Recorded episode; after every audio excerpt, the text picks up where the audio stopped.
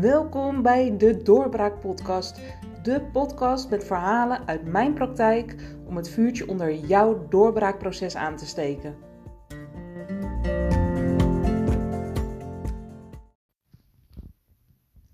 Onlangs stuurde een van de vrouwen uit mijn praktijk mij een recept door voor een bananencake.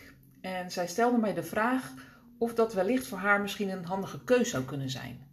Nou, in deze aflevering leg ik je uit waarom het lastig is om dit soort vragen simpelweg met ja of nee te beantwoorden.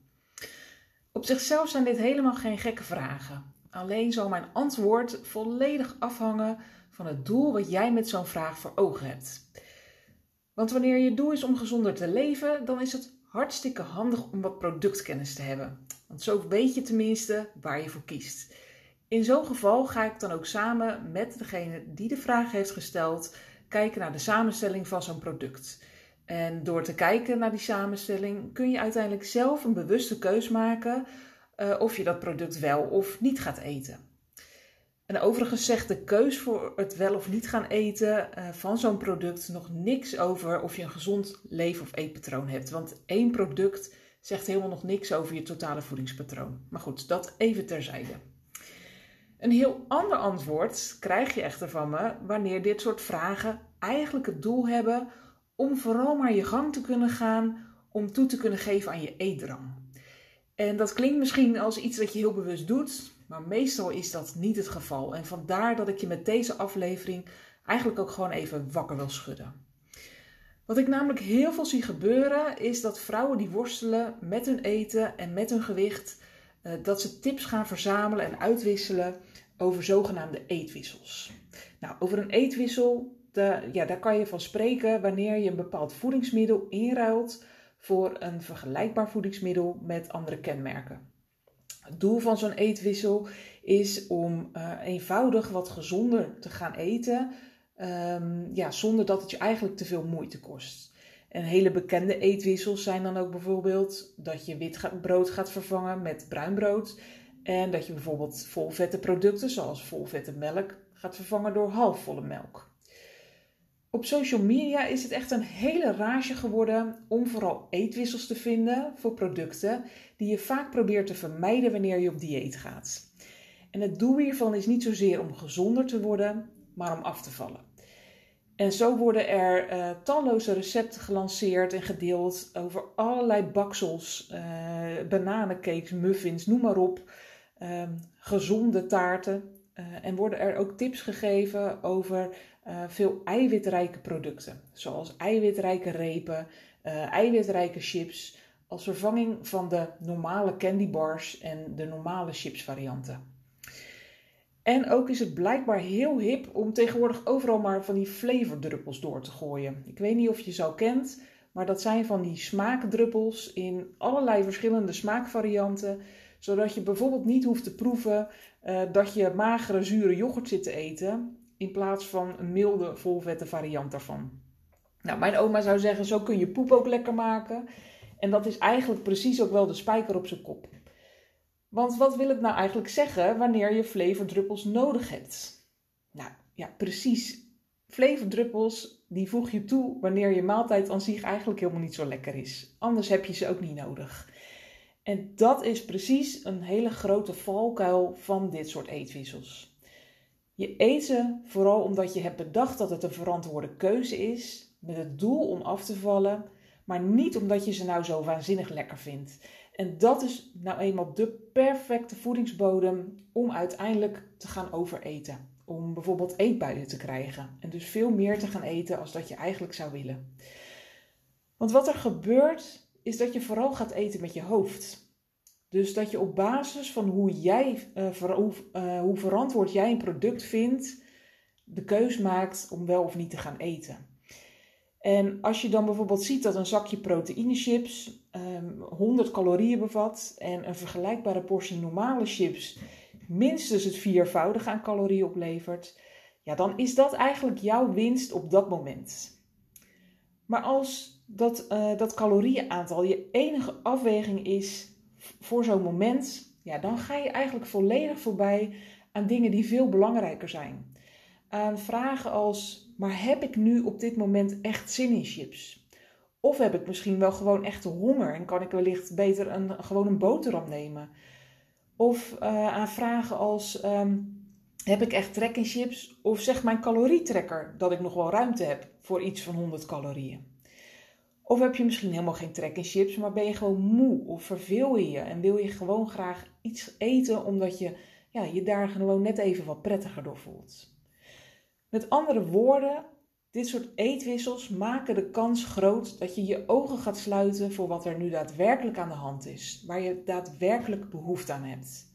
Want jij kan immers gewoon lekker door blijven eten en je valt toch af. Nou, dat klinkt bijna ideaal, maar misschien is dat het toch niet helemaal.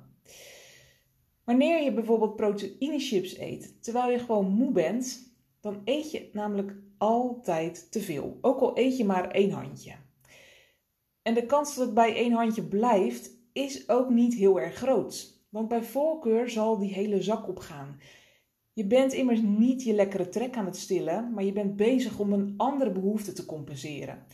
En omdat chips, en ook al is het volgens jou een eh, verantwoorde variant, nooit het antwoord zal zijn op vermoeidheid of op honger of op verveling of op andere behoeftes dan gewoon zin hebben in iets lekkers, is de kans gewoon groot dat je door zal blijven eten tot de zak leeg is. Ja, en eerlijk is eerlijk, hiermee houd je er dus eigenlijk best een hele vreemde relatie met eten op na. Want je geeft jezelf met deze verantwoorde eetwissels dus eigenlijk alleen maar een vrijbrief om jezelf vooral te vullen. Nou, en dat heeft niks meer te maken met zin hebben in iets lekkers, uh, maar alles met het structureel miskennen van wat jij werkelijk nodig hebt. En dat alles terwijl jij denkt dat je goed bezig bent. Nou, dat is precies waarom ik een groot voorstander ben van het principe: doe vooral maar lekker normaal. En dat betekent in mijn praktijk: heb je zin in chips? Koop dan gewoon de chips die jij lekker vindt. Heb je zin in een keer een chocoladetoetje? Ga dan niet zitten, zitten moeilijk doen met, met yoghurt met chocoladedrops, maar koop gewoon zo'n toetje waar je echt zin in hebt. En leer ook zin in iets lekkers onderscheiden van andere behoeftes. Door goed naar jezelf te gaan leren luisteren en door goed te gaan voelen, in plaats van dat je alles alleen maar overdenkt en stuk denkt. Heb je honger? Neem dan iets voedzaams. Heb je gewoon lekkere trek? Neem dan vooral echt iets waar je zin in hebt. Ben je moe? Pak dan je rust. Dus luister goed naar waar jouw behoefte ligt en geef daar dan ook een passend antwoord op. En wellicht denk je nu, ja, maar als je gewoon elke dag chips wil eten, dan kun je toch ook beter die proteïne chips nemen? Nou, de echte vraag zou op zo'n moment moeten zijn: hoe komt het dat je elke dag trek hebt in chips? Heb je dat namelijk wel echt? Of lijkt het zo omdat je eigenlijk geen chips van jezelf mag, omdat je bang bent dat je daarvan aankomt? Waardoor chips eigenlijk iets heel magisch wordt en je dus eigenlijk alleen maar aan chips kan denken. Of uh, eet je misschien in de basis gewoon veel te weinig, waardoor je echt honger verwart met trek en chips? Of eet je vooral dingen die je kiest met je verstand en die je eigenlijk helemaal niet zo lekker vindt, waardoor je behoefte krijgt aan een stukje genot. En dat stukje genot, dat haal je niet uit de rest van je voedingspatroon en dus ga je dat proberen te compenseren met chips. En als je echt gelooft dat je gewoon lekkere trek hebt en ook elke dag lekkere trek hebt in chips, hoe komt het dan dat je niet gewoon één handje kunt nemen? Want je kunt prima elke dag chips of chocolade eten zonder dat dit consequenties hoeft te hebben voor je gewicht echte reden waarom je gevoelig dus bent voor dit soort eetwissels is dan ook niet omdat je bang bent om aan te komen van chips of van chocola, maar omdat je bang bent om aan te komen van te veel chips en chocola. Je kunt jezelf niet vertrouwen als het aankomt op dit soort producten en daar zit nu net de kern van je probleem. Dus in plaats van dit te verbloemen met allerlei eetwissels, leer ik de vrouw in mijn praktijk juist om dit gedrag te onderzoeken. Waarom eet ik eigenlijk te veel? En de dame die mij de vraag stelde van de bananencake, die is aan de slag gegaan met haar vraag. Uh, ze is zelf eerst eens gaan nadenken over wat haar onderliggende gedachte was bij deze vraag. En ze kwam tot de conclusie dat ze zichzelf gewoon graag eens zou willen trakteren op iets lekkers. En in eerste instantie had ze dus bedacht dat zo'n bananencake dan wellicht een verstandige keus zou kunnen zijn. Maar al pratende kwam ze echter tot het besef dat dit moment juist zou moeten gaan om puur te genieten van iets lekkers. En zij zou dat volledig de das om doen door dan juist te kiezen voor iets wat ze eigenlijk helemaal niet zo lekker vindt. En op het moment dat zij besefte dat het risico vervolgens zou zijn dat ze aan één plak cake, bananencake wel te verstaan, niet genoeg zou hebben, omdat ze daar niet het genot uit zou halen wat ze wel zou kunnen halen uit een gewone cake. En omdat ze ook besefte dat ze helemaal niet zo heel vaak de behoefte heeft aan koek of cake.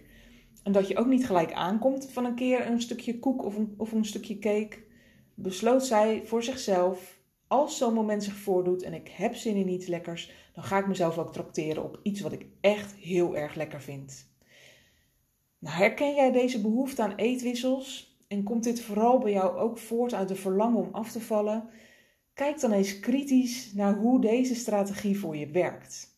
Maakt het je drang naar eten kleiner? Neemt het je trek in echte chips en volvette producten weg? Lukt het je nu wel vanzelf om maat te houden? Wanneer je niet van plan, van plan bent om de rest van je leven in te moeten leveren op een stukje genieten van eten, dan is het wellicht voor jou ook handig om je relatie met eten eens te gaan onderzoeken. Dus door niet je focus te leggen op wat je eet, maar op het waarom van je keuzes. En om zo de kern van je worsteling met eten en de kilo's aan te pakken, in plaats van slechts de symptomen te bestrijden.